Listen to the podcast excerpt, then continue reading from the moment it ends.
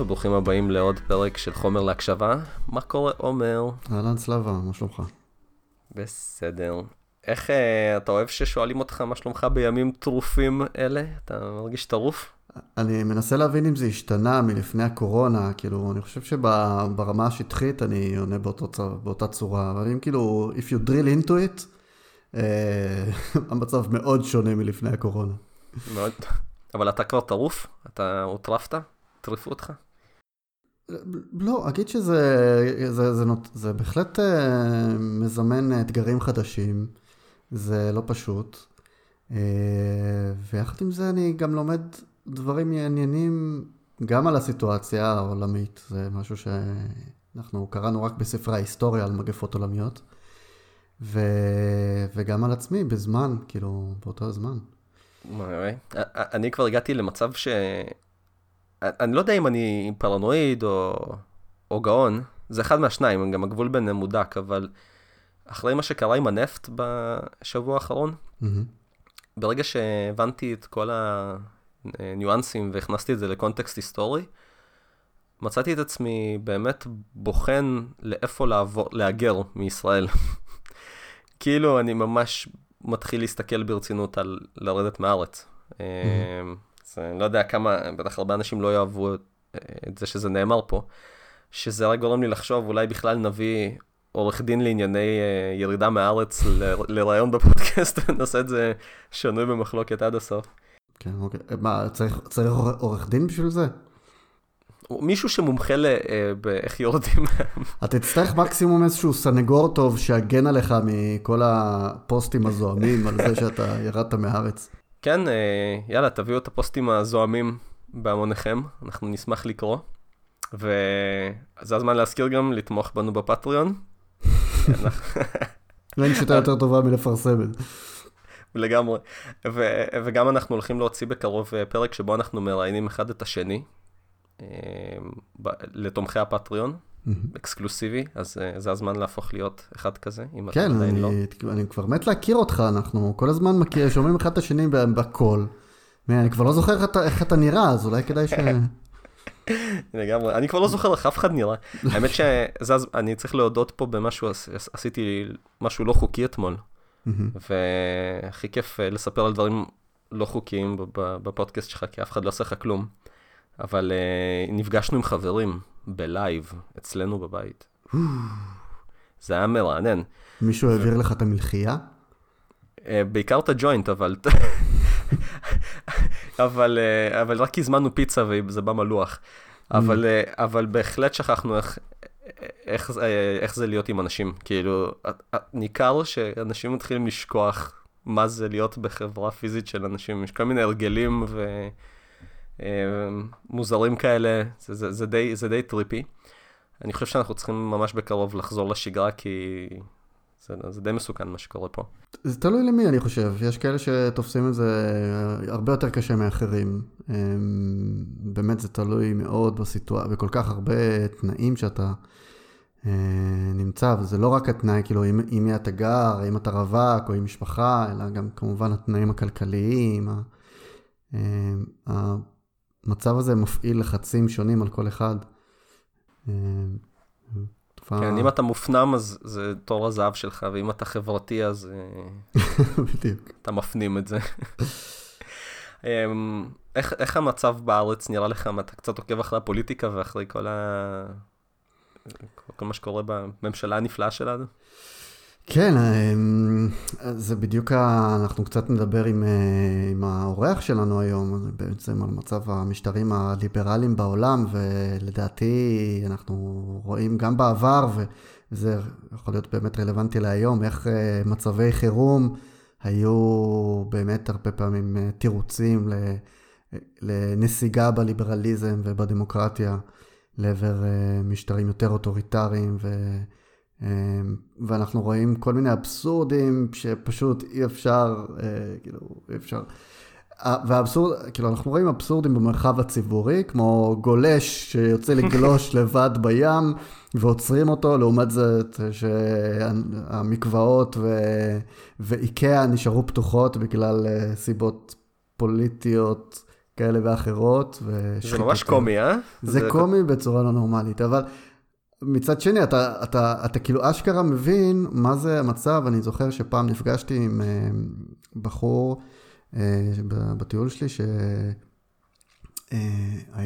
uh, וואי, עכשיו אני לא זוכר, uh, זה היה ליטואניה?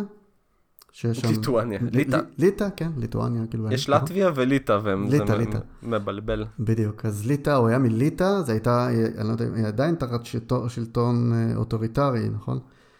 אה, כל, כל המדינות שהיו פעם חלק מה, מברית המועצות, הן mm-hmm. דמוקרטיות כמעט פיקטיביות לדעתי, mm-hmm. אבל אתה יודע, זה פרשנות. נכון, אז, אז התיאור שלו, איך זה לחיות תחת משטר אוטוריטרי כזה, פשוט תפס אותי, ואני אמרתי לעצמי, וואו, איזה מזל ש, שאני גודל במדינה שיש בה את החופש להבעה עצמית ודברים כאלה. ועכשיו פתאום אתה אומר, וואו, זה, זה גם מצב טריקי, כי אתה לכאורה, אתה באמת לא רוצה אה, להפיץ את, ה, את המגפה, ו, וגם יש את השלטונות החוק, שוטרים, שכאילו מאוד אה, קלים עם, ה, עם האצבע על העלה, מה שנקרא. אה, מכניסים אנשים, אוזקים אנשים במרחב הציבורי. ואתה אשכרה מרגיש את, ה, את האפשרות הזאת של לחיות תחת אה, משטר אוטוריטרי, כי זה בעצם... שלטון החוק זה דבר נפלא כשאת החוק כותבים אנשים חכמים שיושבים ועובדים על זה, ולא mm-hmm. השכונה שיש לנו פה. כי איך עוד קורה מצב כזה שיש לך גולש שעוצרים אותו שמונה שוטרים ומקוואות פתוחות? זה, זה חייב להיות... זה קומי בגלל שלא הושקעה בזה מספיק עבודה. זה נעשה... אה, זה נעשה בצורה מאוד שכונתית, והדביקו את, את זה עם סלוטייפ, את כל ההקלות האלה עם, אה, ב, ב, בסגר. כאילו היית מופתע אם היית שומע שדבר כזה קורה בקנדה, נכון? או בניו זילנד, פשוט.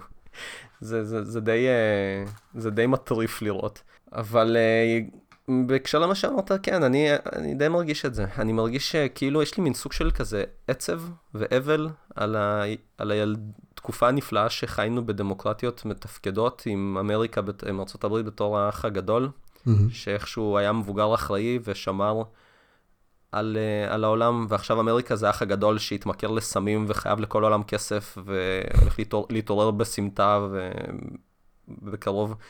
אה, אז זה קצת, אה, קצת עצוב לי.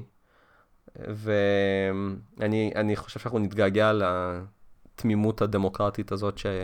שהייתה לנו ב-30 שנים שאני חי בה. Mm-hmm.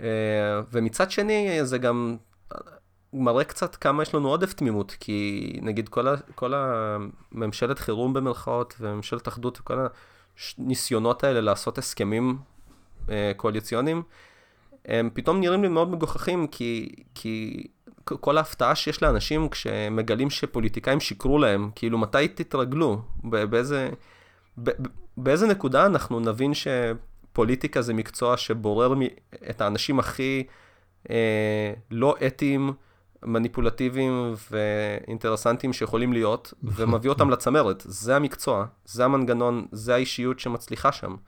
יש סיבה שאנשים כמו טראמפ וביבי וארדואן ופוטין, יש סיבה שהם שם. הם נמצאים שם מאותה סיבה ששחקני פוקר טובים נמצאים ב final tables של שולחנות אה, בטורנירים. זה המקצוע, להיות שקרן.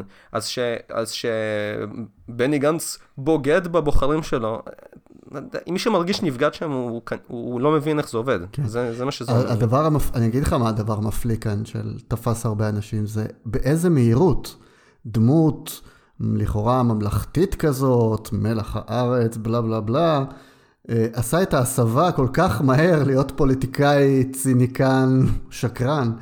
אה, אז אני פשוט, אה, זה, זה אפילו לא משהו אישי כלפיו, זה פשוט התופעה הזאת של להיכנס לפוליטיקה ומיד לזרוק לפח את כל הערכים שלך. וזה... אז זהו, אני לא חושב שזה מה שקורה. זה, זה, אתה יודע, זה כמו לשאול באיזה מהירות מישהי מגלה שאב ילדיה ואהבת חייה מזה 20 שנה, אה, הוא בעצם חלאה בוגדנית. המהירות שבה היא מגלה את זה, זה בשנייה שהיא גילתה שהוא בגד בה. זה המהירות שבה המידע הזה קורס לה לתודעה. כי בתכלס, יכול להיות שהוא תמיד היה כזה, ולא היו נסיבות, ויכול להיות שהנסיבות הפכו אותו לכזה, אבל זה לא משנה. הפוטנציאל למשחקי ההישרדות הריאליטי שואו הדפוקים האלה שקורים בפוליטיקה, הוא שם בתוך גנץ בשנייה שהוא אה, הלך לבחירות, ואף אחד לא חף מזה, וגם לפיד בשנייה הראשונה שהוא יהיה, יהיה עם הגב לקיר, יעשה את מה שצריך כדי לשרוד. זאת העבודה, זה המקצוע. Mm-hmm. ויותר מזה, יש בזה היגיון, כי לפעמים אה, מה שאתה יכול לעשות טוב אחרי מיליון פשרות ובגידות, הוא עדיין יותר טוב מאם תיעלם לגמרי. אה, אה, נשאר שם בשביל הילדים, מה שנקרא. אז, אז, אז התמימות, התמימות הורגת אותי, די, פוליטיקאים, אל תפסיקו להאמין לפוליטיקאים, אל תצביעו לאף אחד בגלל מה שהוא מבטיח. בואו נתחיל מזה, כאילו, בואו נשחק גם את המשחק, בואו נצביע למי שלפחות ידיח את האויב, למי ש... אה, אה, לא יודע מה, לא יהיה פשיסט אה, משוגע.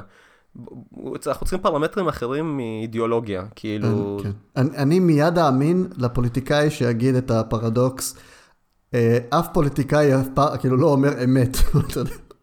כן, אתה יודע מה, כל הפוליטיקאים משקרים או משהו כזה.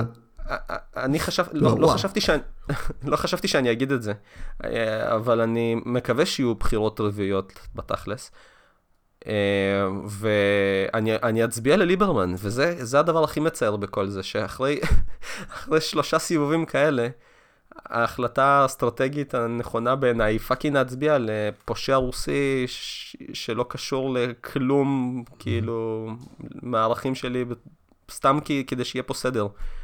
אה, תשמע, אתה שחקן פוקר, למה שאתה לא תיגש לעניינים ותסדר את ה... שחקן פוקר גרוע, זה מה שחשוב. אמ, טוב, אז אה, בואו נציג את האורח שלנו. כן, בואו נצלול באמת, נצלול למשבר שפוקד את הליברליזם. כן, כן, אז היום אנחנו מראיינים את, אה, בפעם השנייה, את אה, תומר פרסיקו. בפעם הראשונה האיכות הייתה לא משהו, ואנחנו כבר התנצלנו על זה. אז עכשיו עשינו יותר מלהתנצל ושלחנו לבן אדם מיקרופון אה, לחו"ל, כדי שנקבל את חוכמתו באיכות אה, מתקבלת על הדעת. אה, תומר פרסיקו הוא אינטלקטואל ציבורי שחוקר דתות ורוחניות מודרנית בארץ ובעולם. אה, הוא כותב את הבלוג הפופולרי ביותר בישראל בנושא דת ורוחניות, אה, לולאת האל.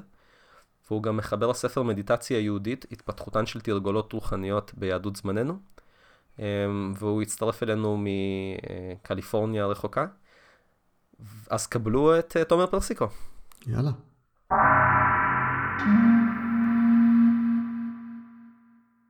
אנחנו כאן עם תומר פרסיקו, שלום תומר. שלום, שלום לכם. אהלן תומר. אז אתה מצטרף אלינו מקליפורניה. אמ, כן. בדיוק אה, יום אחרי שארצות הברית נהייתה במקום הראשון בטבלת הקורונה. בדיוק אה, מה, איך, איך המצב שם אצלכם, בכמה מילים? המצב הוא נראה לי רגוע באופן מטעה, זאת אומרת, אה, כפי שאתם בוודאי שמתם לב מהחדשות, אין פה ממש הנהגה מרכזית, גם באופן כללי, אבל גם ספציפית הפעם, הנשיא לא, לא משחק שום תפקיד, ודאי לא תפקיד חיובי במשבר הזה. וכל סטייט בעצם מחליטה בשביל עצמה מה היא עושה, עם האמצעים שלה, שהם לא רבים, כי הממשל הפדרלי לא ממש משתף פעולה, כאמור. פה בקליפורניה יחסית התחילו מוקדם להגיד לאנשים להישאר בבית, אבל אני חייב לומר שלא רבים נשארים בבית. זאת אומרת, אין, אין בתי קפה ואין מסעדות ו, ו, וכן לא עובדים, אבל אנשים, הכבישים מלאים במכוניות. ו- ופה אני חושב עוד המצב הרבה יותר טוב מבמקומות אחרים שבכלל התמהמהו עם האמירה להישאר בבית ולסגור את בתי הספר. ולדעתי, אני, זאת אומרת, לדעתי אנחנו הולכים פה למצב של איטליה. לדעתי עוד מעט נגיע, יגיעו, אולי בניו יורק כבר הגיעו ל,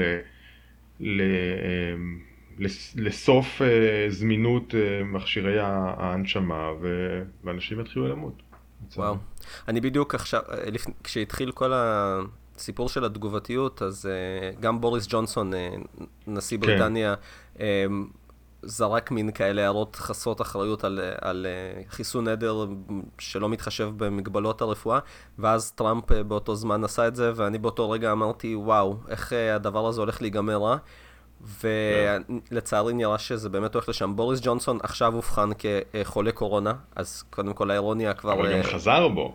מה? הוא, הוא חזר בו, נכון. אבל טראמפ חזר, כן. טראמפ חזר בו פעמיים. טראמפ כבר אמר שלא כן. נעשה, ואז נעשה, ואז עכשיו הוא עוד פעם אומר שאי אפשר לסגור את ארצות הברית. לא, זה באמת ההבדל בין ג'ונסון או נתניהו לטראמפ. ג'ונסון ונתניהו בכל זאת אנשים חושבים, כן?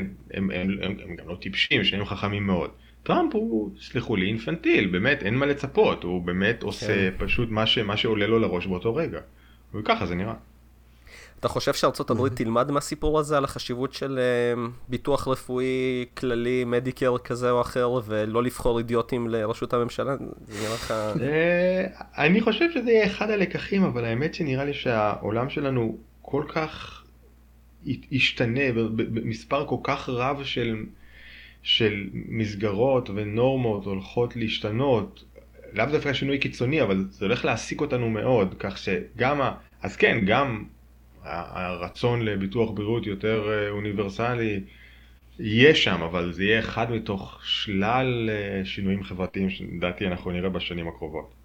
אני דווקא לא בטוח שיהיו שינויים חברתיים, לדעתי איך שזה, הרי האנושות ראתה איזה כמה פנדמיות אה, עולמיות בעבר, וזה חולף כעבור איזה כמה עשרות שנים. כולם ממשיכים לדהור לאותו כיוון לא ידוע. אני דווקא בצד של אה, תומר, אני לפני כמה ימים, אה, מישהי אה, הייתה בחרדות לגבי המצב, והתכתבתי איתה והתחלתי לנסות כאילו לעודד אותה ולכתוב לה תרחישים חיוביים שיכולים לקרות בעולם. ופתאום נסחפתי, יצא לי רשימה של איזה 15 דברים שיכולים לקרות כתוצאה מה, מהמשבר הזה, שישנו את החיים שלנו ממש, גם ברמה החברתית והגלובלית והטכנולוגית. תראו, זה, אנשים מביאים מקרים מהעבר, אבל אנחנו, לדעתי צריך להבין שהתקופה שלנו היא שונה באופן עקרוני, זה לא סתם נכון. המשך של העבר, אנחנו בתקופה מודרנית, תקופה מאוד גלובלית מכל הבחינות, גם כלכלית, תקשורתית.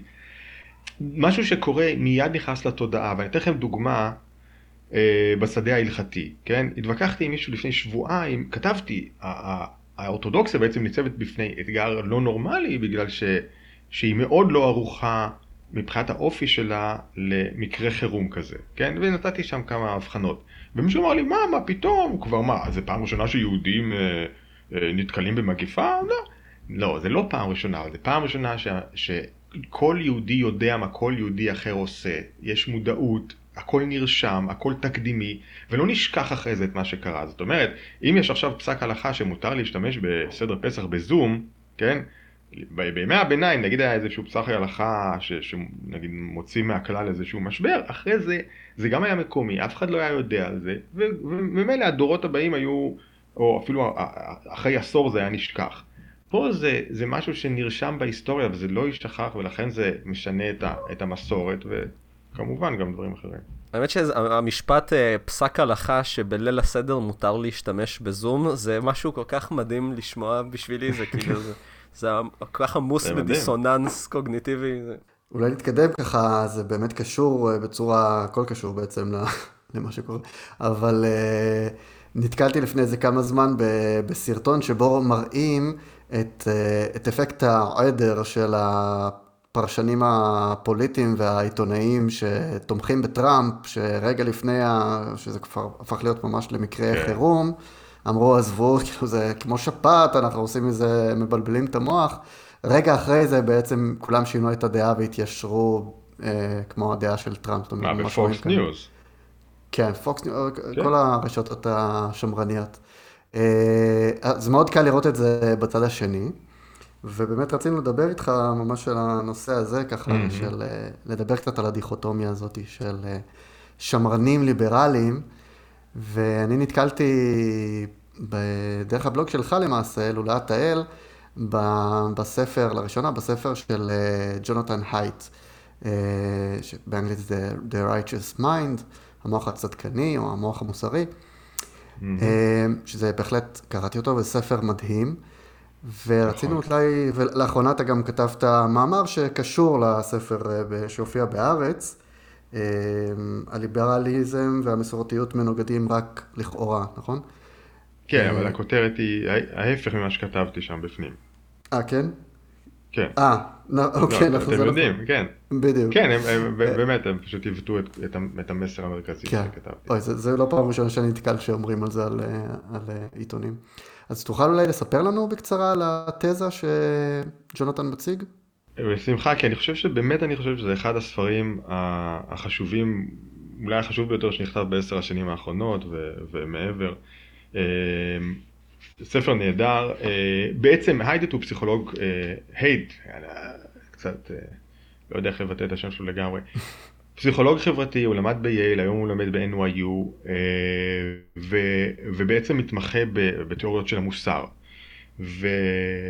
אבל הוא עושה, הוא בודק את העניין הזה בצורה אימפרית, זאת אומרת הספר מסתמך על עשרות ניסויים שלו ושל אחרים אה, שבדקו אנשים ואת התפיסות המוסריות שלהם, ומה שהוא אומר, מאוד מעניין, הוא שיש לנו כיצורים אנושיים שישה ערוצים, או הוא קורא לזה טעמים שונים של מוסר. זאת אומרת, אנחנו שופטים אם מעשה הוא טוב ורע על פי שישה אה, כיוונים או ערוצים או טעמים, כן?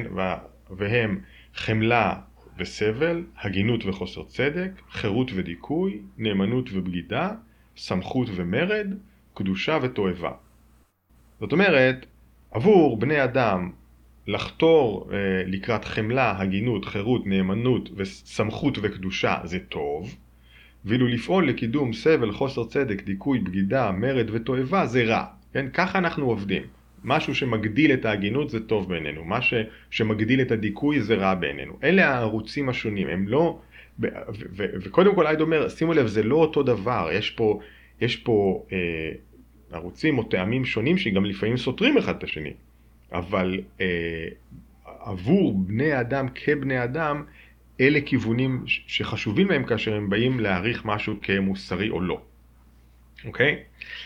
עכשיו, השלב השני של, ה, של התזה של היידט הוא, הוא אפילו עוד יותר מעניין, כי הוא אומר שלא כל בני אדם שותפים לאותם טעמים או ערוצים המוסריים, כן? אה, למשל, אני יכול, בוא, בוא נשאל אתכם ואת המאזינים, כן? ודאי, אני מתאר לעצמי שיש אנשים שחושבים שקדושה וסמכות הם לא דברים טובים. כן? שאם אנחנו חותרים ליותר קדושה או חותרים ליותר סמכות, אנחנו לא עושים משהו טוב. אני הייתי רוצה להוסיף פה עוד כמה מילים לתוך הדבר הזה, שהייד, כן. שהייד זרק. Um, בתוך סמכות יש גם את העניין של כבוד, או היררכיה, שהם ערכים שלצורך נכון. העניין מקושרים לדבר הזה, ובקדושה יש גם את עניין התואר. כלומר, כן. התואר, המידות, או הפיזי, או הגופני, כלומר, הרבה התעסקות ב... בתואר מפני כן. uh, סיפוק או הנאה, כלומר, תואר נכון, גופני נכון. ונפשי. אז קדושה היא... אלה הערות מצוינות. קדושה זה, זה מקביל, מקביל לטהרה ותועבה מקביל לטומאה, וסמכות זה גם היררכיה, זאת אומרת הנכונות להיררכיה ולכבד היררכיה, זה גם כבוד לממונים עלינו, כבוד נכון. לגבוהים מאיתנו. ובתוך אה, נאמנות אז יש בעצם גם אה, זיקה קבוצתית, שבטיות, שהן בעצם אה, באים איתה ביחד. היא מובילה לזה, כן? זאת אומרת, נאמנות זה חלק מה, מהמערך המוסרי שלנו שמעודד אותנו להתאגד בקבוצות. ופה אגב, פה, רק הערה, פה אנחנו גם מבינים מה הגרעינים האבולוציוניים של הדברים האלה. כמובן היידט כמדען הוא לא חושב שקיבלנו את, ה, את לוחות הברית האלה מאלוהים. אלה, אלה תכונות שהתפתחו אבולוציונית ושעוזרות לנו לשרוד.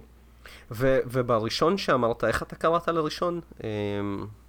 חמלה וסבל. זהו, אז, אז um, הוא התייחס שם גם עוד מילים שחשוב לזרוק פה, וזה uh, נזק ודאגה ל, ל, לזולת. כלומר, ההימנעות מפגיעה mm-hmm. או מכ, מנזק פיזי, כאב פיזי, um, שזה כן. מתקשר לחמלה וזה, אבל גם נזק ודאגה לזולת זה שתי מילים שאפשר להכניס לתוך הדבר הזה. כן, כן המילים שהתרגום, זה התרגום לעברית שלי, כן, ואתה, ואתה צודק שאתה נותן פה עוד גוונים.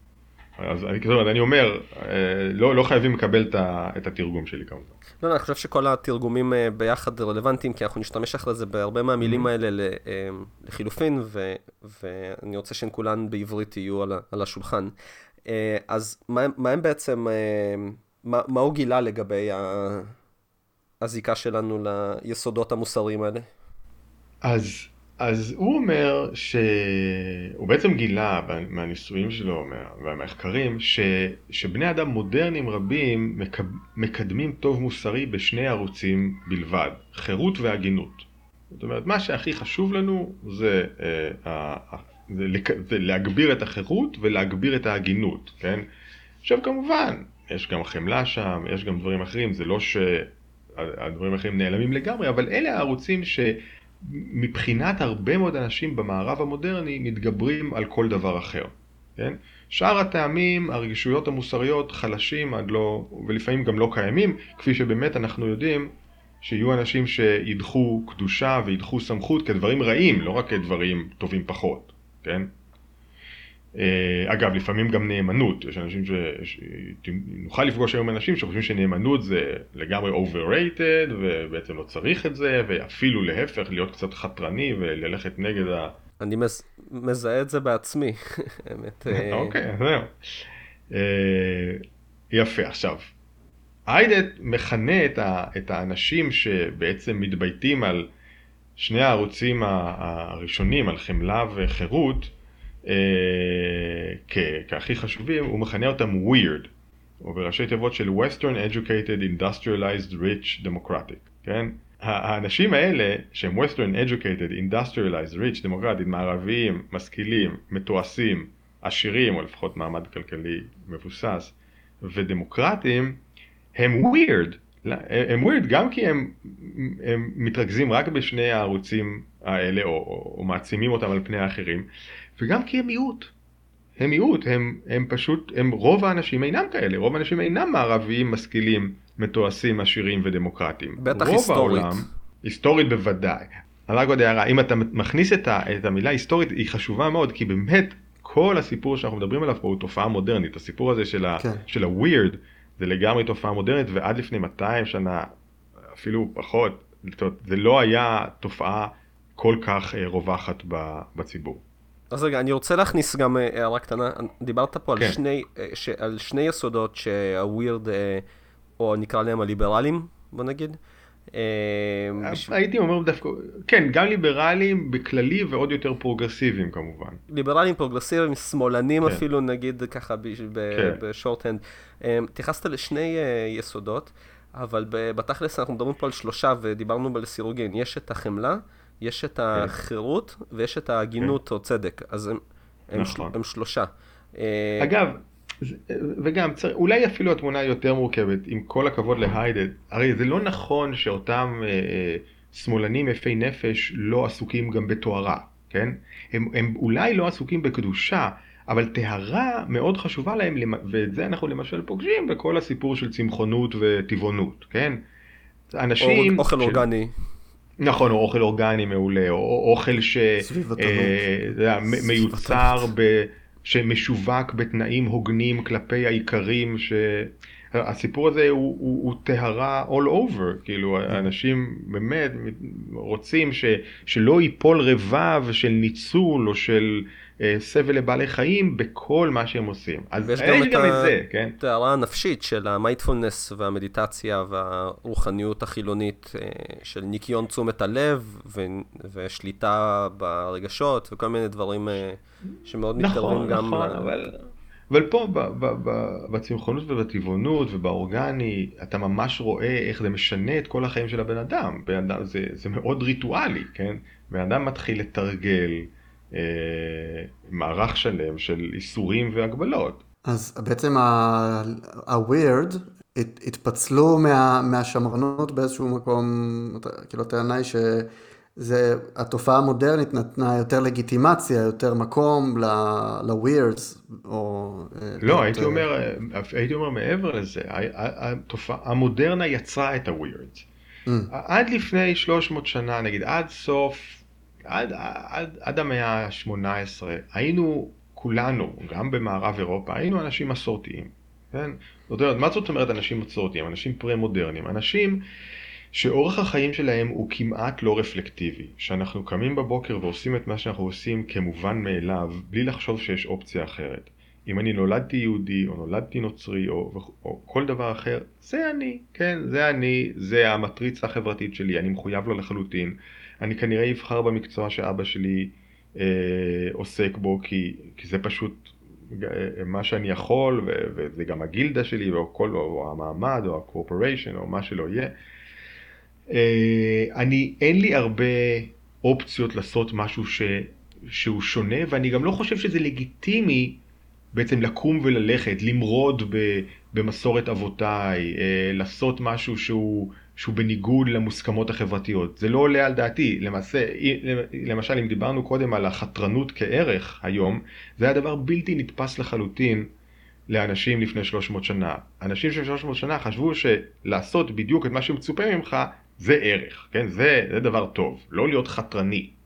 אז כל הסיפור הזה הוא מודרני, הוא, הוא, הוא קשור לצמיחת האינדיבידואל, הסובייקט המודרני, הוא קשור לחילון, הוא קשור למהפכה התעשייתית, לעליית מעמד הביניים, הוא קשור לכל התופעות האלה שאפשרו לכל אחד מאיתנו לראות את עצמו כאינדיבידואל אוטונומי, ולא רק זה, אפשרו לנו להעלות את האוטונומיה שלנו לדרגת אידיאל. זה חשוב להיות אוטונומי. אם אתה לא אוטונומי, אתה עושה משהו לא בסדר. בבסיס אבל אוטונומיה שוות ערך לחופש, לא? הרי העלייה ש, של החופש שקיבלו אינדיבידואלים מלכתחילה, אפשרה להם לראות את זה כערך, כי נשמע לא. כאילו מאחורי כל זה יש שאיפה להיות חופשי, חופשי לבחור את הדרך שלך. כן, מה זה להיות בוא... אינדיבידואלי אם לא חופש, אם לא דרגה של אפשרויות? אבל תשמע, אבל הנה פה אנחנו נכנסים, אתה מחדד את השאלה, זה באמת נהדר, כי אנחנו נכנסים ל... לשאלה מהו חופש. אנחנו מגדירים חופש בצורה שונה ממה שהגדירו אותו אבותינו. יהודה הלוי, אה, כן, הפילוסוף היהודי, המאה ה-11, אה, אמר, אה, עבדי הזמן עבדי עבדים הם, עבדי השם הם לבד, לבדם חופשיים, כן? או עבד השם הוא לבדו חופשי. מה זה אומר? זאת אומרת שלהיות עבד השם, עבד אלוהים, לעשות מה שאלוהים אומר לי, זה חופש. עכשיו, זה לא רק מליצה, זה לא רק, הוא לא אומר את זה כי הוא כאילו פואטי וזה יפה בעיניו, הוא באמת חושב ככה, ו, ואבותינו באמת הגדירו חופש בצורה שונה. מבחינת, האמת אפשר להיכנס לזה, זה, זה, נושא שלם, אבל, אבל לפחות מבחינת היהודים, חופש היה למלא את, את אותו גוף הלכתי שאתה גם השתתפת ב, בחקיקתו. זאת אומרת, רבנים מהתלמוד והלאה היו עסוקים בפרשנות החוק ובחקיקתו. בעצם רק גברים מלומדים אה, יהודים הם חופשיים מהבחינה הזאת. עכשיו אפשר, אפשר למצוא את המקבילות מאתונה ועד האימפריה הרומית, אבל הם הגדירו חופש שונה, ואז רק אני אסיים, אנחנו מגדירים חופש כאוטונומיה ומגדירים אוטונומיה כשחרור מחוקים, כן? אוטונומיה, חוק עצמי, אני לא שומע לחוק אטרונומי, אבל זה גם כן הגדרה מודרנית לחלוטין, אפשר למצוא את, ה, את מי שמנסח אותה בצורה הכי ברורה אצל קאנט, כן? אה, ו, ואנחנו אימצנו את זה וזה נראה לנו מובן מאליו, אבל גם חירות הייתה משהו שונה לגמרי. לפני 300 שנה והלאה. הדרך שבה, שבה אני רואה את זה, ומעניין אותי באופן אישי איך אתם רואים את זה, לי זה נראה כמו שני צדדים של, של אותו מטבע. כלומר, יש את החופש, אה, כפי שהוא מוגדר יותר היום בעיני יותר אנשים, כמשהו אה, שנמדד בכמות האפשרויות שיש לך. כלומר, אם אתה בא לחנות ויש חמישה סוגים של ברנדים של אותו מוצר, אז רמת החופש, דרגת החופש שלך עולה, כי אתה יכול לבחור ביניהם. ויש את הצד השני, ההיסטורי הזה גם, שמתייחסים אליו בציטוט שאמרת, וזה החופש מאפשרויות. כלומר, אתה בעצם חופשי יותר כשאתה לא, צ... אין לך את הנטל הזה של uh, לבחור ולהחליט ו... uh, ו... ולהמציא mm-hmm. בעצמך את הדרך. האנשים שנגיד לא מאמינים ברצון חופשי, אז הם פותרים את הבעיה הזאת בצורה אחרת. אבל בחברה שלנו היום זה בעצם שתי השקפות שהן לכאורה מנוגדות, אבל בשתיהן אנחנו יכולים להרגיש חופש בתקופות שונות ובמקומות שונים בחיים. יש מקומות שבהם אני מרגיש חופשי יותר כשאין לי אפשרויות. אה, אגב, הבידוד הזה יוצר אה, הרבה סיטואציות כאלה. אנשים פתאום, יש להם פחות פומו, הם יכולים להיות בבית, הם לא מרגישים שהם מפספסים מסיבות ואירועים וטיסות לחו"ל. ודברים, ואז בעצם הם חופשיים יותר נפשית ובתשומת לב, ומצד שני הם מרגישים כלואים כי יש להם פחות אפשרויות. אז זה נשמע כמו משהו שתמיד משחק בשני הכיוונים בעצם. אולי תמיד היום, אבל אני, אני, אני גם אציע להכניס עוד, עוד ערוצים, אם אנחנו מדברים על ערוצים של מוסר, עוד ערוצים של חופש. אולי, אולי חופש קשור למשמעות. אולי אם אני חסר משמעות קיומית בחיים, משהו שמסביר לי מי אני ומה אני, אולי אז אני לא חופשי. או עוד ערוץ, אולי חופש קשור לאינטימיות. אולי אני חופשי באמת רק כשאני אינטימי עם עצמי, עם העולם, עם אנשים אחרים. זאת אומרת, אפשר לקחת את זה להרבה כיוונים. אני, אני רק אומר שוב, הצורה שאנחנו תופסים את החופש שלנו ו, ומתעקשים עליו היא צורה מודרנית. עכשיו, מי זה אנחנו? שוב, אנחנו מדברים פה בעיקר על אותם Western Educated Industrialized Rich Democratic, ואנשים אחרים בחברות אחרות עדיין, עדיין, סליחה, זו מילה גרועה מאוד, לא, זאת אומרת, תמחוק את העדיין, אנשים אחרים לא תופסים את עצמם ככה, ו- ואנחנו צריכים לנסות להבין מאיפה, מה, מה התפיסה שלהם. זהו, זה מתקשר באמת לנושא החופש, מתקשר באמת, יש לנו אה, על בסיס החופש אה, במדינות דמוקרטיות, יש לנו את הבחירות, אז כאילו בעצם הרעיון שאנחנו יכולים לעשות בחירה אה, על בסיס... מושכלת. רצ, מושכלת, רציונלית, הגיונית, זה בעצם אחת מה... מה תקנו אותי, כאילו, מאבני הבסיס של, של הרעיון הדמוקרטי, נכון? אנחנו, אין, אין בעצם משמעות לדמוקרטיות, אה, אה, כמו, יש כן. מספר דמוקרטיות בעולם שבהם הת, הבחירות הן בעצם תהליך פיקטיבי, רק אה, הצגה. כן. אה, אז, ובאמת, אבל מצד שני, אנחנו, הייט, טוען למעשה שמצביע על היסודות הלא רציונליים, הלא הגיוניים, שבעיקר שולטים בבחירות המוסריות שלנו ובבחירות... כן, ה... רק, רק בוא, בוא נגיד, הם לא, הם לא תבוניים, אבל זה לא שהם לא הגיוניים. הייד גם mm. מסביר, כפי שאמרתי קודם, שה, שכל הערוצים האלה של המוסר היו מאוד מאוד נחוצים כדי שנגיע לאיפה שהגענו, כדי שהאנושות... אה, הרעשים שאתם שומעים זה כמובן הילדים שלי שכבר תלויים שבועיים שלושה בבית. כל פודקאסט עכשיו מלווה ב... כן. צריך, צריך תוכנה חדשה שמורידה רעשים של ילדים. אה, בלי כל הערוצים האלה, החברה האנושית לא הייתה מסוגלת, או היצור האנושי לא היה מסוגל להתאגד לכדי קהילות, ואף מעבר לזה לכדי חברות ו- ומדינות, ולהגיע לרמת השגשוג וה, וה, וה, וה, והביטחון וה, וההישגים המדהים שהוא הגיע היום. זאת אומרת, אה, כל הדברים האלה מאוד הגיוניים באיך שאנחנו פועלים. ולכן אפשר אולי לשאול, זה שהיום אותם Western Educated Industrialized Rich Democratic מתכחשים לערוצים שונים, האם זה דווקא יכול לגרום לנזק לחברה? אתה מבין? וזה בעצם מה שהשמרנים המודרניים היו אומרים. אז, אז אני רוצה רגע לסכם אה, אה, קצת מה שדיברנו עליו עד עכשיו כדי להרחיב אחרי זה. בעצם מתוך ששת אה, יסודות המוסר אה, שהוזכרו פה, שזה חמלה, הגינות סלש צדק, חירות מול דיכוי, נאמנות מול בגידה, סמכות אה, וכבוד מול מרד, ותואר וקדושה מול מה שההפך מתואר וקדושה. טומאה, טומאה. כן. טומאה. אז הם בעצם יסודות שלפי הייד הם מגיעים בנו בילט אין כ... כקופי אדם, כ, אה, כתוצר של אבולוציה. אגב, זו עוד קביעה חשובה, זו עוד קביעה חשובה. אלה לא יסודות שאנחנו מגיעים אליהם על ידי חשיבה. זה לא משהו, משהו כמו האימפרטיב הקטגורי של קאנט, או משהו כמו תועלתנות של, אה, אה, של בנטאם וכולי. זה לא משהו שאנחנו, זה לא נוסחה. זה משהו שטבוע בנו, והוא גם משהו שמתרחש אצלנו ברמה הרגשית. אנחנו בעצם מוסריים בגלל שאנחנו מרגישים, או מתרגשים.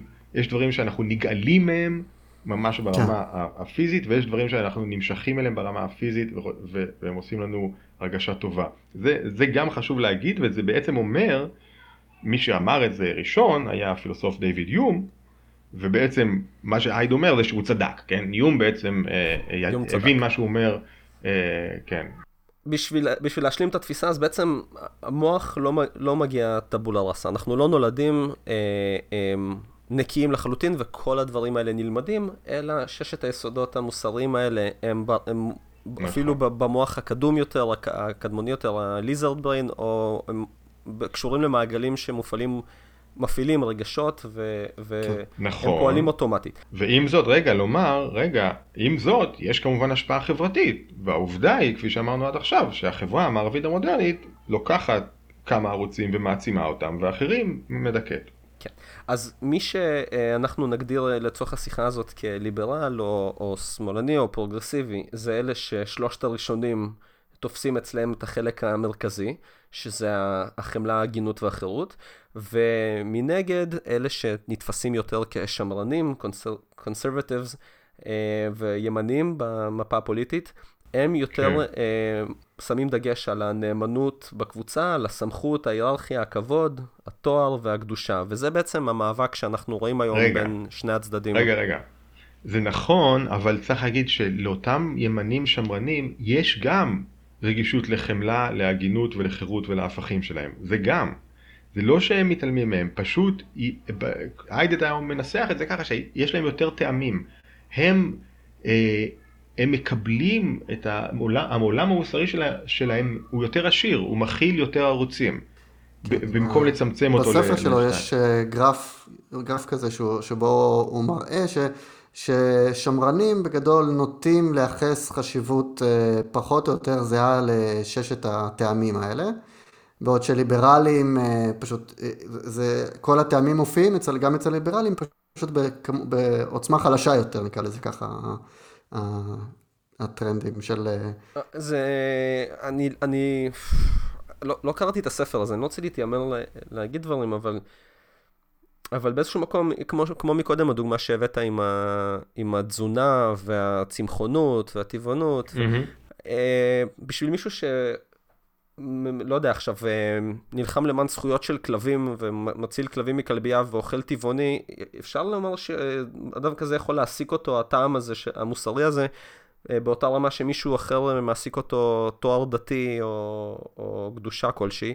ונגיד כן. במובן של נאמנות, יש אנשים שהם ליברליים והם אוהדים של קבוצת כדורגל, והנאמנות שהם יפגינו לקבוצת כדורגל הזאת תהיה מאוד גבוהה, למרות שהם אה, לא נכון. ירגישו שהם יכולים לסמוך על הממשלה שלהם במדינה, וכן הם לא, אה, אולי לא ירגישו את הפטריוטיות הקלאסית שאנחנו mm.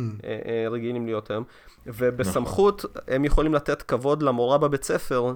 כסמכות אינטלקטואלית וללמוד ממנה ברמה שהשמרנים לא יעשו, וזה פשוט תהיה אה, תפיסה שלהם של, ש... של, של, אה, של סמכות. אז יש פה הרבה, הרבה סמנטיקה גם סביב מה אנחנו מכניסים תחת כל הקטגוריות האלה. אני לא בטוח שיש יותר איתך. טעמים, לש... ל... אמ, שיש יותר טעמים ל... ל... ל... לשמרני מאשר לליברל. אני לא בטוח. לא יודע, תראה, אני מסכים איתך שזה יותר מורכב, ועם זאת, אני כן חושב שהייד צודק בתזה המרכזית שלו, שיש הבדל. זאת אומרת, אני חושב שהרבה מאוד, הרבה מאוד פרוגרסיבים ליברליים, אם אתה תדבר איתם על טוהרה וקדושה וסמכות והיררכיה, הם יגידו שאלה דברים רעים. עכשיו, יכול להיות שבחיים שלהם הם לפעמים יפגינו את הרגישויות האלה, כי הם בני אדם, כן? מה אפשר לעשות? אבל, אבל הדיספוזיציה הבסיסית שלהם זה נגד, וזה אומר משהו, אי אפשר להתעלם מזה. ועוד, שאם אתה תדבר על סמכות והיררכיה וקדושה וכולי אה, אה, לשמרנים, הם יגידו וואלה זה מעולה, כן? כן, ואנחנו... אז רגע, אני רוצה להציג פה אבל רק מחשבה okay. אוקיי. אחת לגבי זה. זו שאלה גם של מה לגיטימי להגיד. כי אם אתה תיקח עכשיו מישהו שהוא ימני קיצוני בממשלת אה, ארצות הברית, קונסרבטיבי קיצוני, והוא. פוגע בזכויות נשים, שולח אנשים למלחמה לא מוצדקת בקצה השני של העולם, ומעביר חוקים לשמור אנשים אה, על עבירות סמים קלות בכלא בתור עבדים ל-20 שנה, ותשאל אותו מה אתה חושב על uh, uh, חמלה, הגינות וחירות, הוא יגיד לך בטח, אני בעד הדברים האלה. כי אתה לא יכול לצאת לטלוויזיה ולהגיד, לא, לא, מה פתאום, אני נגד חירות, ומצידי שאנשים יסבלו, נכון. וכאילו, אתה גם לא יכול להתבטא. אבל התשובה בגוף השאלה, אתה בעצמך אומר, הוא לא יכול להתבטא ככה. נו, אז זה, זה, זה מטה את כל הסקרים האלה, כי אתה תעשה מחקר איכות, אה, כאילו, אבל לא אמרתי, דיב, לא דיברתי בכלל על הסקר, היידט לא שאל אנשים מה חשוב להם, הוא, הוא שאל אותם שאלות שדרכם הוא העלה מה חשוב להם, זה לא כל כך פשטני, כן? ואני גם לא, אמר, לא אמרתי ש... אני מתבסס על התשובות האלה כסקר, אבל, אבל פשוט כאינדיקציה, כן? כי בכל זאת, אנשים באמת יאמרו, הרי זה גם, זה גם, עצם זה, יודע מה, אפילו, נלך לשיטתך, עצם זה שאי אפשר להגיד היום בטלוויזיה, אני נגד חמלה ונגד הגינות ונגד חירות, ואפשר להגיד בטלוויזיה, אני נגד סמכות ונגד היררכיה ונגד קדושה ונגד תוארה, זה אומר משהו, זה אומר שהחברה כן, שלנו היא, היא, היא, היא, היא, היא הולכת לכיוון מסוים, היא הולכת לכיוון ה-weird, ה-western educated industry. זה נכון, אבל מצד שני גם לעצמך... יש קונסנזוס בסופו של דבר לחמלה. אבל גם בדלתיים סגורות, גם לעצמך. אוקיי? בן אדם כן. יכול לשבת בבית ולהגיד, אני נגד סמכות, ואז הוא ישאל את עצמו למה, ויש לו סיבות להסביר. אבל אף אחד לא יישב עם עצמו, גם, ב, גם אם, כאילו, אני קראתי איזה סקר, אבל עזוב, גם אם בן אדם אומר לעצמו, למה אני שולח אנשים שם למות? למה אני מעביר חוקים נגד הפלות? למה, ווטאבר? הוא לא יישב כן. ויגיד לעצמו, אני נגד הגינות וצדק, אני בוא. נגד שוויון, אני נגד חמלה ו... הוא לא רוצה להרגיש... להרגיש נבל, נכון? בעצם, אז זה לא בטוח שזה, נוסף. שזה, לא בטוח בעיניי שזה מדיד. אני חושב שיכול להיות בקלות מצב אבל... שבו הטעמים האלה משותפים לכולם, אבל נכון, אנשים זה... עושים רציונליזציה שונה לחשיבות שלהם בהתאם למקום שבו אנחנו נמצאים היום ב, בידע האנושי. כן, גם צריך לזכור שהרבה סיטואציות פוליטיות הערכים האלה יכולים להתנגש, ואז אה, כאילו הערך של השבטיות גובר בעצם על הערך של החמלה לאחר. זה גם נכון, וגם צריך לזכור שבני אדם הם לא יצורים קונסיסטנטיים וקוהרנטיים לחלוטין. זאת אומרת, יש הרבה אנשים שמאלנים ופרוגרסיביים טובים, נגיד במרכאות כמובן, שלא, לא שהם לא טובים, אבל ככינוי, כן? אה, שחושבים שלהרוג חיות זה ממש לא בסדר, אבל הם אוכלים בשר. עכשיו, איך הם מתרצים את זה לעצמם? אה, ב, אני לא יכול, או זה קשה לי מדי, וזה, וזה יכול להיות נכון, אולי זה באמת קשה מדי, ואולי זה, הם באמת צריכים את הוויטמין, לא יודע מה, ש, שיש בבשר. אבל אנשים הם מלאי סתירות. זה מזכיר לי תמיד שהם מביאים את זה שאבות האומה האמריקאית אה, ניסחו חוקה כל כך יפהפייה והחזיקו עבדים, כן? עכשיו זה נכון, כן, זה, זה באמת סתירה וזה באמת נורא ואיום, אבל בני אדם הם בני אדם, אי אפשר לצפות להתנהגות קוהרנטית לחלוטין, או אפשר לצפות, אבל, אבל לא צריך להתעקש על זה מבחינה, אה, אה, אה, כאילו, לחשוב שאם אין את, את קונסיסטנטיות מוחלטת, אז, אז מה שהבן אדם אומר זה לא נכון. לא, הוא, באמת בן אדם חושב שלאכול חיות זה לא טוב, אבל הוא אוכל חיות. וזה בהחלט מוביל אותנו לנושא הנוסף שהייט אה, חקר, אה, למעשה מאמר קודם שלו, שגם מאמר מרתק, אה, או שזה היה ספר, כבר שכחתי מה זה מה, אבל הכלב הרגשי עם הזנב הרציונלי, כן? זה, זה היה כן. The Emotional Dog and its Rational Tail, mm-hmm. משם הוא פיתח בעצם את, ה, את התזה ש, שהאינטואיציה למעשה מגיעה לפני הטיעונים ההגיוניים בשאלות של כן. מוסר. אז זה שוב יום, כן? בעצם יום אמר את זה ראשון. כן. אבל, הוא, אבל אה, היידט חוקר את זה ומראה שזה באמת ככה בניסויים אה, פסיכולוגיים. זאת אומרת שאנחנו עושים ממש הנדסה, כאילו reverse engineering, אנחנו mm-hmm. מגיעים לאיזושהי החלטה אינטואיטיבית מהרגש שלנו לגבי האם מעשה מסוים הוא נכון או לא נכון, ואז אנחנו מוצאים את הסיבות, איכשהו תופרים סיבות אה, למקרה, תופרים את החבילה נכון. הרציונלית. נכון, אנחנו, אנחנו יצורים, אה, אה, מה שנקרא embodied, אה, מבוססי גוף, מעוגני גוף. הגוף שלנו משפיע גם על התפיסות המוסריות שלנו, ולמעשה הוא הרבה יותר חשוב מה, מהכושר הרציונלי שלנו כשאנחנו באים לשפוט משהו מוסרי או לא. אז בעצם הדבר הזה נובע מהברירה הטבעית, כלומר, מה שנברר בתכונות המוסריות שלנו כדי שנוכל mm-hmm. לשתף פעולה כ... מימי הקופים ועד היום, כל הדברים האלה בעצם היה בהם ערך מסוים. כלומר, זה, זה ברור נגיד נכון. למה צדק הוא, הוא אינטואיטיבי ולמה חמלה או אי פגיעה באחרים אינטואיטיבית וחירות מול אה, חופש. נאמנות בתוך קבוצה, גם ברור, mm-hmm.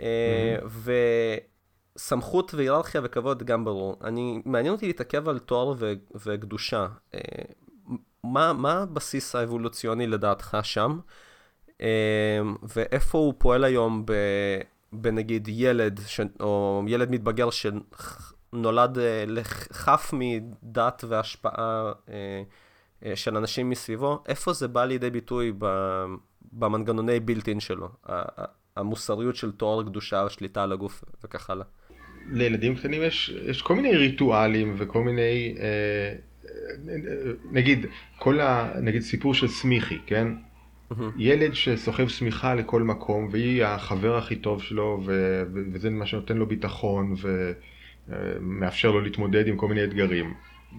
הצמיכה הזאת היא קדושה בעיניו, נכון? זאת אומרת, יש פה, יש פה איזשהו, מה שהיינו קוראים בפשטות אלילות, יש פה איזושהי, או, או פטישיזם, יש פה אה, נתינת כוח לחפץ. אז, אז זה, זה ברמה הכי פשוטה.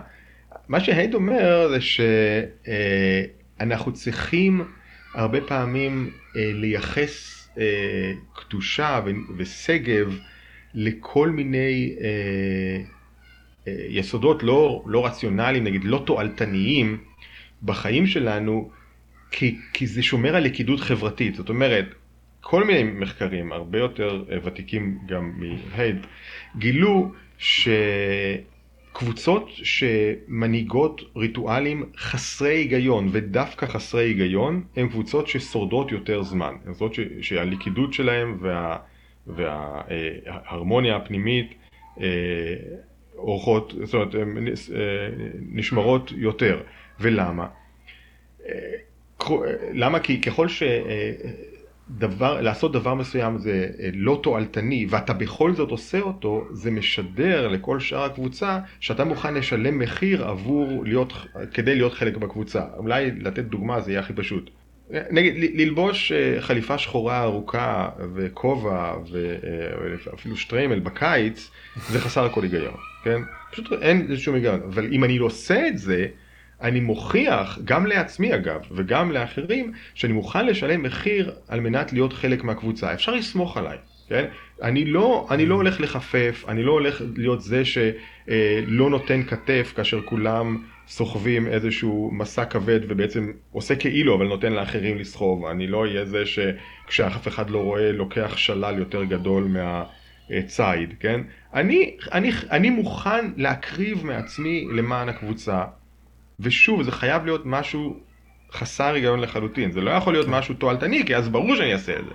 אני יכול להראות לקבוצה שלי שאני נאמן רק אם אני משתתף איתה בריטואלים אה, אבסורדים, נגיד.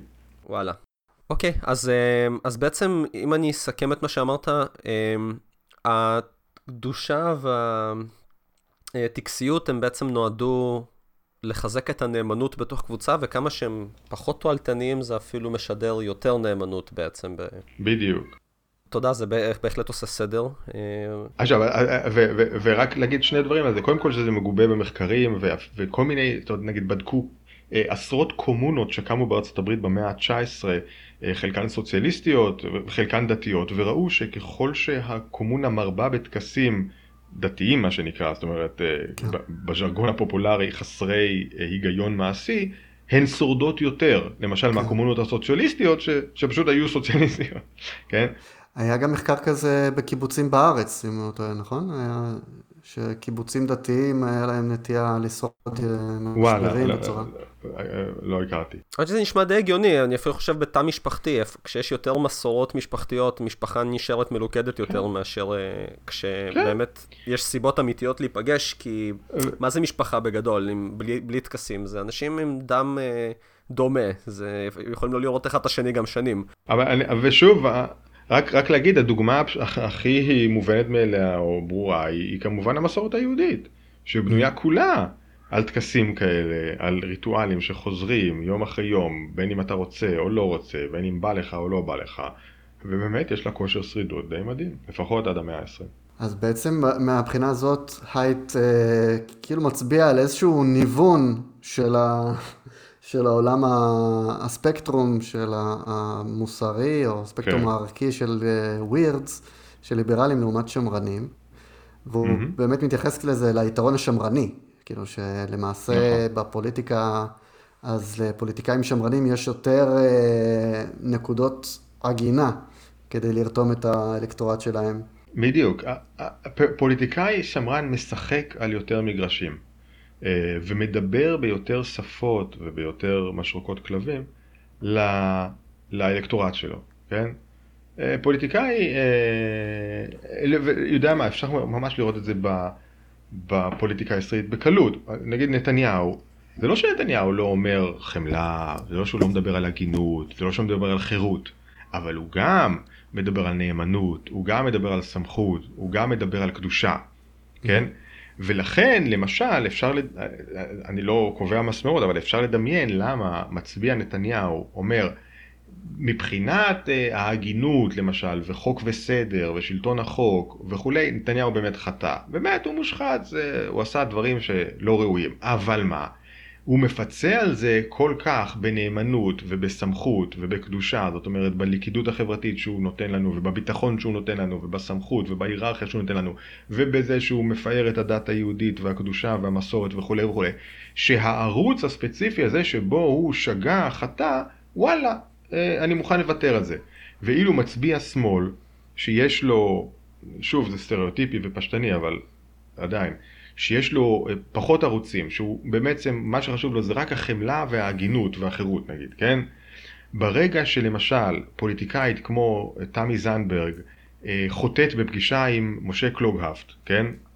שאני מודה אישית, זה זעזע אותי, כן? אבל, אבל, אבל הטומאה שנדבקת בה, כן? או כאילו העלבון למה שאנחנו, למה שהשמאל נגיד יחשוב כהגון וכצודק וכ, וכחיובי הוא כל כך גדול שאין ערוצים נוספים שיכולים לפצות על זה. כי, mm. כי בעצם זה כל מה שחשוב. אם דווקא, אם דבק רבב באיזשהו פוליטיקאי שמאלני, זה הרבה יותר גרוע ואין מזה דרך תקנה כי הערוצים האחרים שיכולים לפצות על זה לא קיימים, למשל. בארצות הברית אה, רואים את זה בצורה מאוד מובהקת, שברגע שמישהו מהצד השמאלי הדמוקרטי של המפה עושה איזושהי עבירת מוסר כזאת או אחרת, הוא, הוא עף מכל המדרגות. נכון. הוא מאבד את הפלטפורמה בעוד שאנשים כמו טראמפ מגיעים לשלטון. עכשיו רגע, רגע, עכשיו איזה עבירת מוסר? לא אם הוא כופר בדת. אדרבה, אם הוא כופר בדת זה עוד יותר טוב, נכון? לא, אז שימו לב. שקשורה לשלושת בדיוק, ה... אז שנשים לב על, מה, על איזה ערוצים אנחנו מדברים, ולהפך. אבל, כן. אבל כשאני שומע את כל מה שאתה אומר, ואני מנסה בראש כאילו לחשוב, אוקיי, עם בנימין נתניהו זה ברור לי, ובאופן כללי ברור לי למה מבחינה פוליטית אסטרטגיות אה, שמרניות הן הרבה יותר יעילות, הרבה יותר קל... אה, אה, אה, למש... לפנות לקהל דתי מלוכד מאשר למלא אינדיבידואלים שמצביעים ל-20 מפלגות שונות ו... ולהביא אותם ביחד להצביע mm. לאותו מנהיג. אבל אני שומע את כל, את כל מה שאתה אומר ואני מנסה לחשוב איפה טראמפ נכנס בתמונה הזאת ולא לא עולה לי שום תשובה חוץ מזה שזה פשוט פשיטת רגל מוסרית כי הוא לא עונה לאף אחת מהקטגוריות האלה. הוא אפילו לא באמת משדר לא תואר ולא קדושה, לא כבוד, לא סמכות, לא נאמנות, הבן אדם סתם, לא, לא, לא, לא, כאילו, לא. איפה קודם הוא... כל סמכות, סמכות הוא בוודאי משדר, נאמנות הוא בוודאי משדר, הוא משדר נאמנות לעם האמריקאי. הוא משדר נאמנות לקבוצה של האנחנו ונגד הקבוצה של ההם. זה הדבר היחידי ו... שכן, שאני באמת רגע, מזה, אבל... וסמכות גם, אני ואני ואני אעשה ואני מנהיג ואני אוביל אתכם מעבדות לחירות או מ-not great to yes great, כן? אה, ב', ג', קדושה בוודאי, הוא מנסה בדרכו הגמלונית שהיא באמת לא אלגנטית אבל הוא כן אומר אני אשקיע ואני אפתח religious freedom, שזה בעצם אומר אה, זכויות יתר לכנסיות וכולי, ואפשרות להפלות אה, להט"בים וכולי. הוא מדבר על זה, והמצביעים קולטים את זה, הם קולטים שהוא יכול להביא להם את, ה, את, ה, את ההתקדמות בערכים האלה שחשובים להם. זה מעניין, זה מעניין כמה שכן הפיצול אה, שערות הסמנטי פה משנה, כי נגיד הייד מדבר ב, בקדושה, הוא, באלמנט הזה הוא מדבר יותר על תואר. אה, כן. דווקא שהקדושה היא, היא, היא, היא, פחות החלק הקריטי כמו שזה הטוהר שבא מאחורי זה, ובסמכות. הוא מדבר הרבה על כבוד.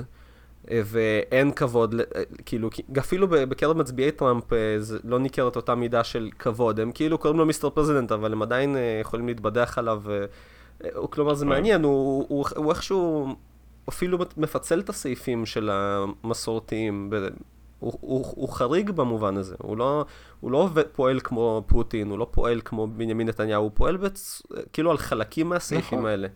נכון, לא, תשמעו, בואו גם לא נרדד את כל המציאות לתיאוריה אחת. הייד, הייד מביא המון דברים מעניינים ונכונים, אבל ברור שזה לא, לא רק על פי זה אנחנו נסביר את תופעת טראמפ למשל, כן? אני חושב שיש, שטראמפ מתאים לזה בכמה דרכים, אבל כמובן יש עוד גורמים ש...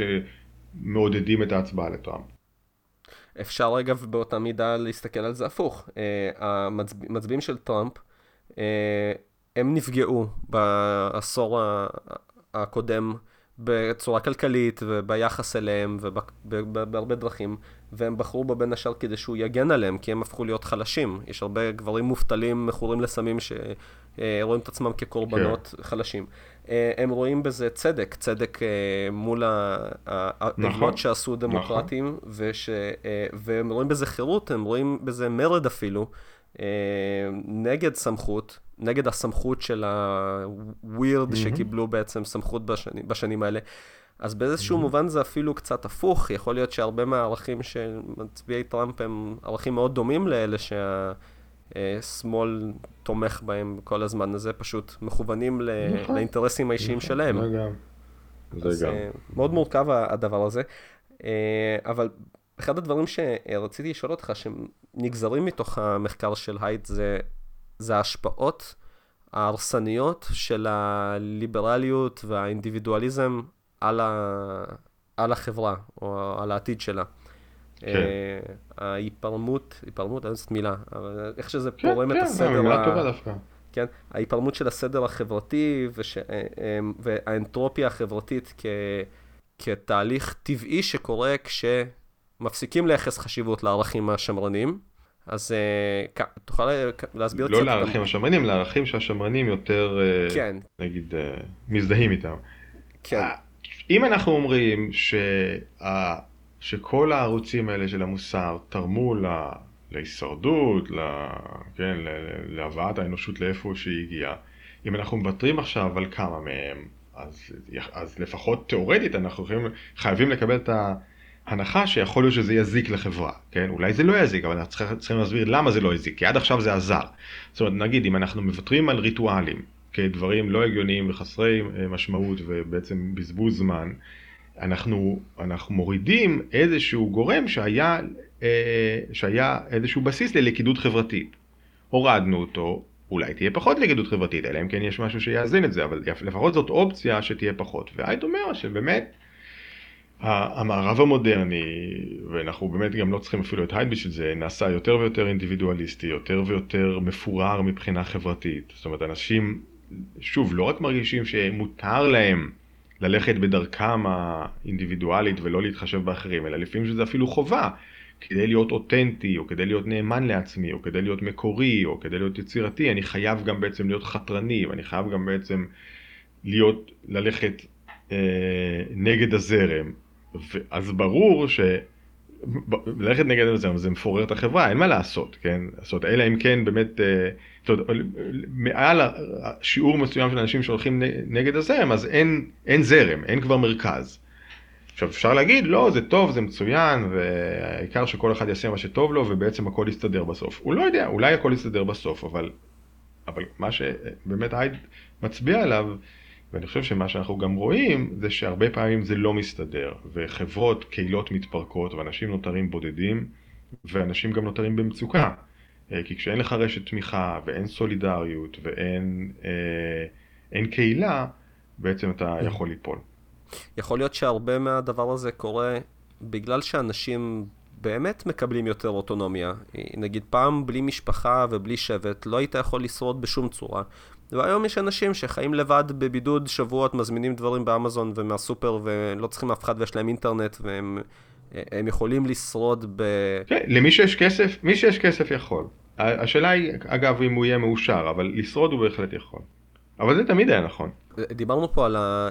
על ההיגיון שמאחורי היסודות כן. המוסריים האלה בטיוטה הראשונית של המוח, לפני שאנחנו מתחילים אה, ללמוד בחיים. ואנחנו אומרים, אוקיי, זה היגיון אבולוציוני, mm-hmm. כלומר, זה נשאר פה כי היה לזה, אה, היה לזה אה, יתרון הישרדותי.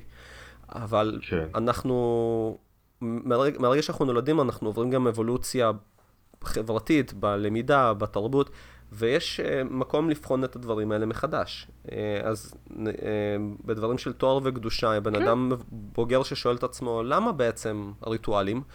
אז דוגמה לזה, למשל, פעם לא, היה, לא הייתה דרך להעביר אה, מידע לכולם אה, וללמד את כולם, אז אה, ריטואלים mm-hmm. דתיים כמו נטילת ידיים הם כן. מאוד הגיוניים לשמירה על היגיינה. היום נכון. אנחנו מקבלים את המסר לשטוף ידיים 20 שניות בתוך שבוע בכל האינטרנט העולמי בתגובה מהירה מאוד. וזה בעצם מחליף את הצורך הזה. אז יש שאלה כאילו אליך באופן אישי, אתה חושב שכל ששת היסודות המוסריים האלה הם עדיין רלוונטיים באותה מידה רק כי הם שרדו, או שיכול להיות שבעשורים האחרונים, במאה השנה האחרונה, אה, אה, עשינו משהו שהופך אותם לפחות קריטיים להישרדות של החברה, ואולי אפשר לבחון אותם מחדש.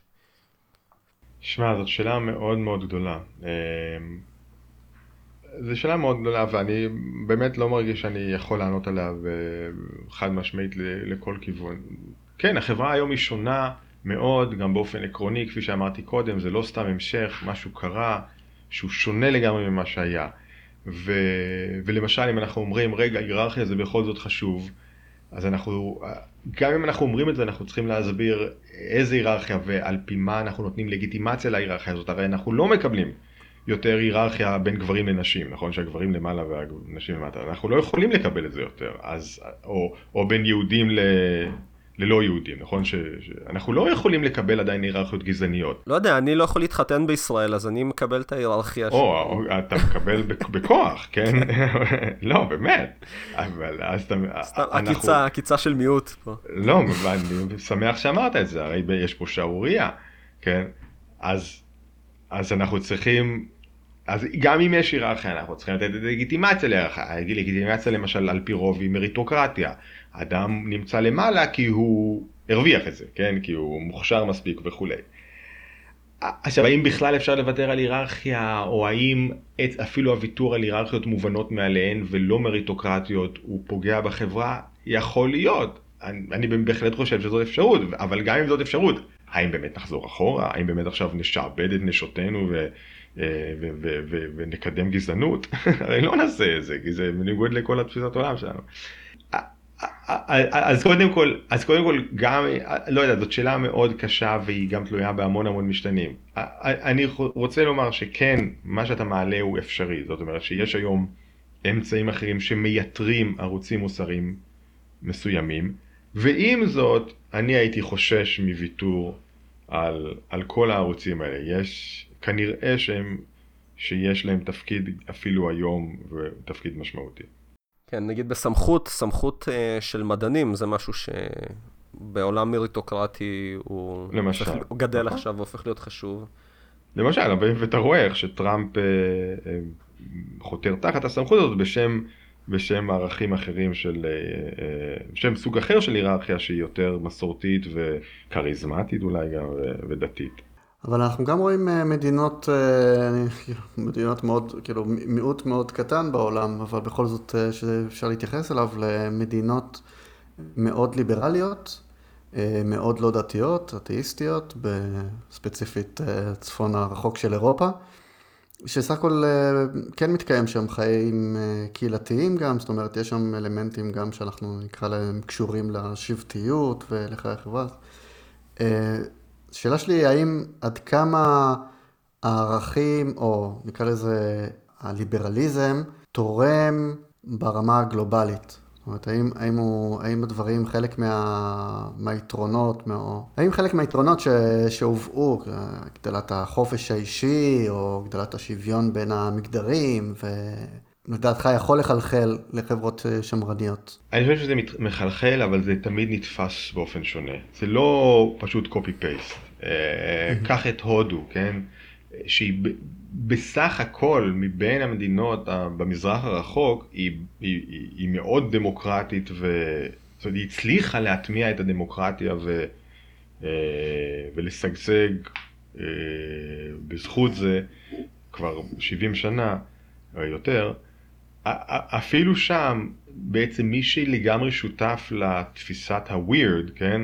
ה-Western Educated Industrialized Rich דמוקרטית, ויש כאלה, הם מיעוט קטן של משכילים, אנשי מעמד בינוני בערים, אנשי עסקים וכולי, ו- ו- וגם לא כל, כל אלה, וגם לא כל המשכילים, מעמד בינוני עירוניים, משתתפים לגמרי, בגלל שהם באים מכיוון אחר וממקום תרבותי אחר, בגלל שאוטונומיה נתפסת אצלם בצורה שונה, חופש נתפס אצלם בצורה שונה.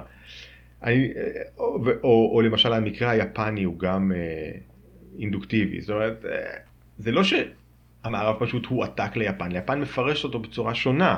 אה, זה, זה, זה מקבל את הטוויסט היפני הספציפי שלו עם, עם, עם, עם, עם, ה, עם האופנות היפניות המסוימות והתרבות היפנית שהופכת למשהו אחר ואנחנו יודעים שיש שם עכשיו משבר ילודה עצום גם כן, זאת אומרת, הם לקחו את זה לכיוון מסוים. אז זה לא פשוט פייסט,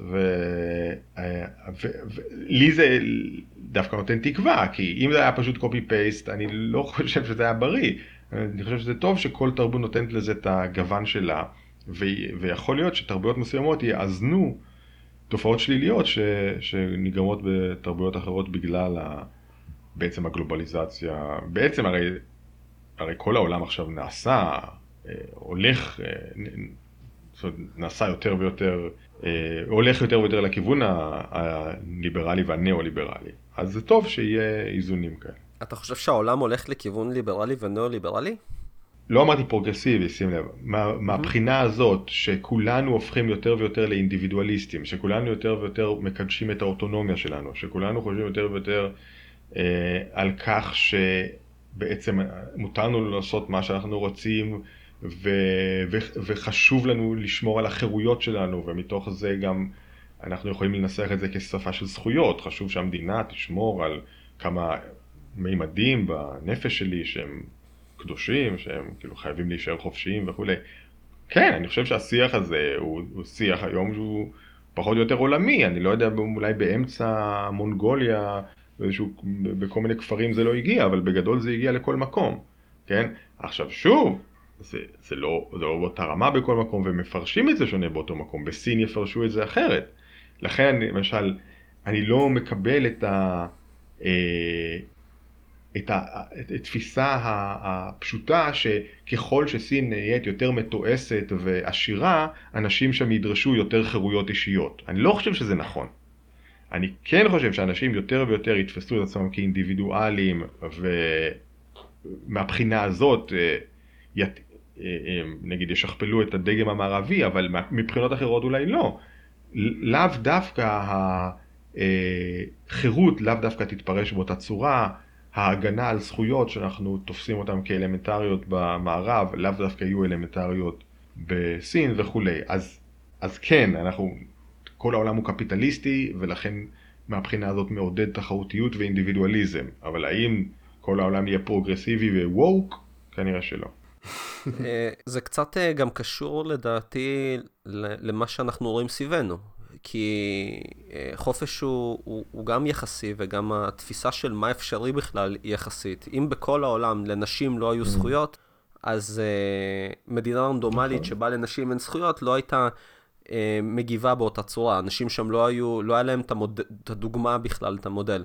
Uh, כי בסופו של דבר, כמו שאתה אומר, שחופש ביהדות יכול להיות uh, מאוד גבוה אצל גבר משכיל לבן לפני uh, מאות שנים, אז לאישה לא היה את החופש הזה.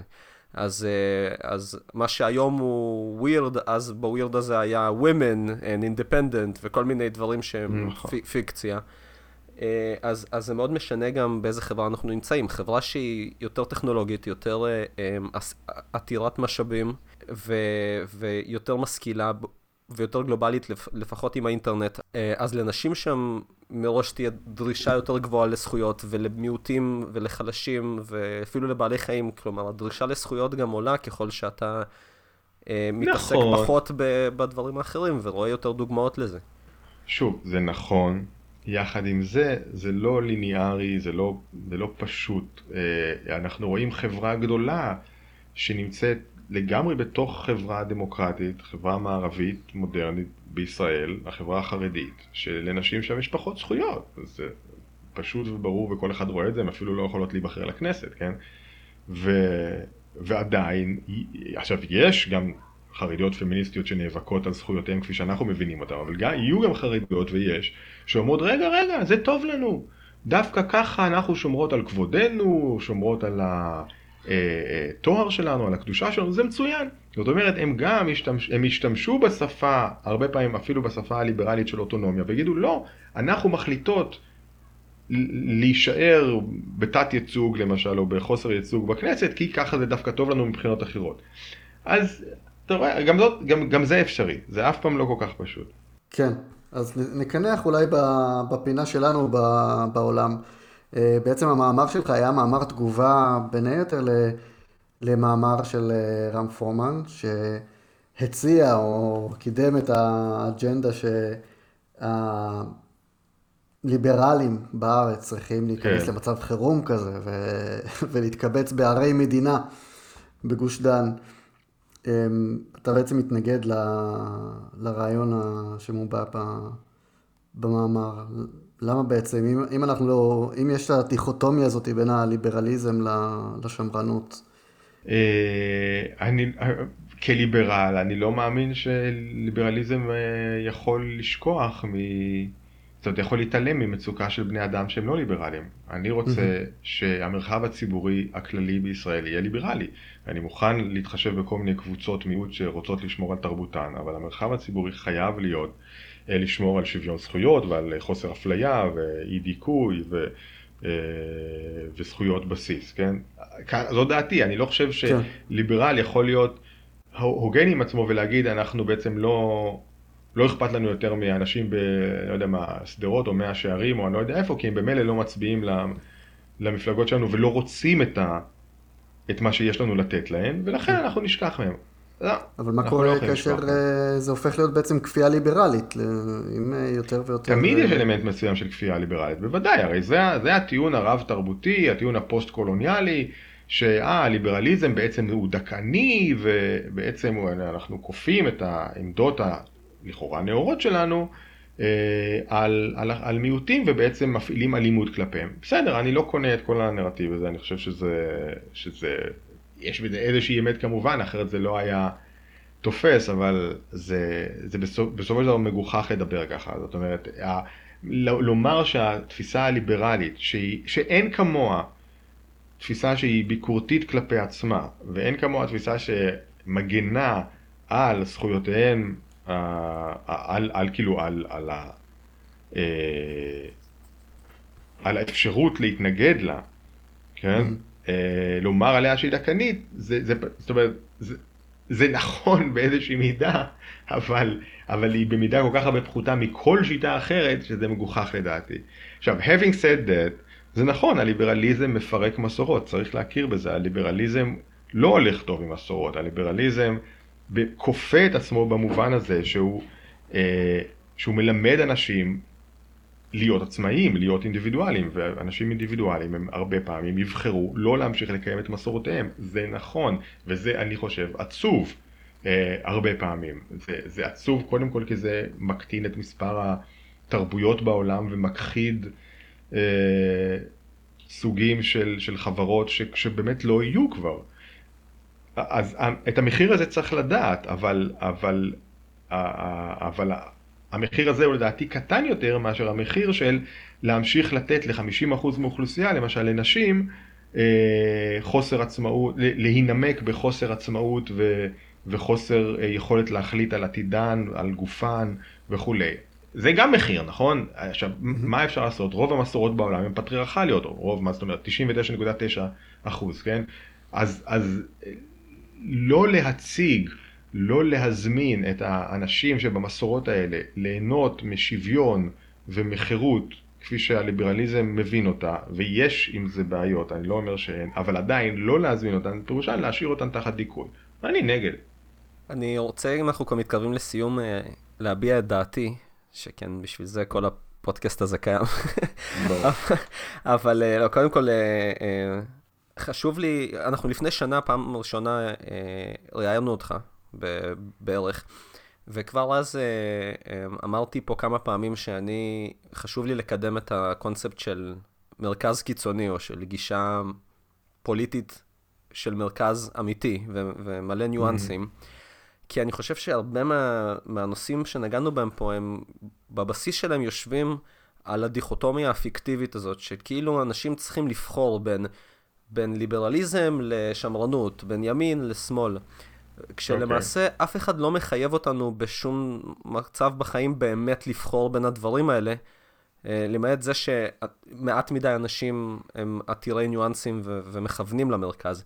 כי אה, ברור, ש, אה, ברור לי שכל ליברל בעולם אפשר לשכנע אותו בזה ש... אנטרופיה חברתית היא דבר אמיתי. כלומר, סדר זה משהו שהרבה יותר קשה לייצר, מסורת ותרבות כן. זה דברים שהרבה יותר קשה לייצר, וברגע שהם הולכים לאיבוד, הם הולכים לאיבוד לנצח, ואין לך איך אה, אה, להחזיר אותם. ושהלכידות החברתית כן חשובה בעתות של משבר או מלחמה, או כנגד אויב משותף. Mm-hmm. ו, ולוותר על הדברים האלה בהינף יד פשוט כי אתה נגד, אה, זה, זה משהו שהוא חסר ניואנסים והוא מאוד, okay. כן. מאוד דיכוטומי, כי אתה נגד רק בגלל שאתה משתייך למחנה שהוא נגד, אז בצורה אירונית. כן. יש שבטיות בכלל בתוך הליברליות היום. כאילו, הליברלים הם שבטיים הרבה פעמים, והם, ולוקחים mm-hmm. הרבה מהערכים mm-hmm. מהקבוצה ולא מהיגיון. אה, אז, אז מה ש... אמ, אני לא זוכר מי זה היה, לצערי, אבל היה הוגה דעות שאמר בזמנו ששמרנים, הם משמרים את מה שעבד בעבר, ו... ומה שהצליח. וליברלים אה, הם, הם אלה שמצליחים אה, לחדש יותר ו, ולהביא לשינוי, וחשוב שיהיה את שניהם. אי אפשר לוותר על, על אף אחד מהצדדים האלה, כי אנחנו צריכים כל הזמן להיות על התפר הזה ולנוע קדימה איתו. מעניין. מסכים, מסכים, וזה מתקשר לגמרי למה שאמרתי עכשיו. אני כליברל, אני רוצה אה, לקדם ערכים ליברליים בעולם, אבל מכיוון שאני גם מכיר את הייד, הייד ו- ו- ומסכים על כל מה שדיברנו היום, אני מבין ש... יש ערוצים מוסריים שפחות חשובים לי, אמנם אני גם בחור דתי אז, אז זה קצת פחות, אבל אני מבין שלליברליזם באופן כללי יש ערוצים שפחות חשובים ושהם כן נחוצים, הם כן, קודם כל הם חשובים מאוד לאנשים אחרים, ושנית הם כנראה חשובים חברתית, ולכן אני שמח שיש שמרנים שעומדים על המשמר ו- ו- ושומרים על אותם ערוצים ואומרים לפעמים לליברלים, רק שנייה, פה זה יותר מדי פוגע בכך וכך וכך, כן? ומתוך הדיאלוג הזה וה... אה, הזאת, אה, אני מקווה שייבנה משהו חיובי. הכי חשוב שנפסיק לשנוא אחד את השני. זאת המגפה האמיתית, שאולי הווירוס הזה דווקא ינמיך את הווליום שלה. נו. אויב משותף. אחרי שהווירוס לא יפוג, לא אנחנו כולנו ניתן חיבוק גדול. שמע, אויב לא משותף זה בכל הנרטיבים של כל הסרטים כן. על איחוד עולמי. צריך חייזרים בשביל זה. הדרך היחידה שהאנושות באמת תתאחד זה שאם יתקיפו אותנו מהחלל, לדעתי. זה באמת יהיה אחר, חוץ מזה. אנחנו צריכים, כל מה שנדרש עכשיו זה להפיץ את הסיפור שהווירוס הזה זה וירוס מהחלל. יאללה, נכון, אני כן, המונת. כן. טוב, תומר, תודה ענקית. תודה רבה. על הזמן וה... אחלה, תודה שהזמנתם אותי.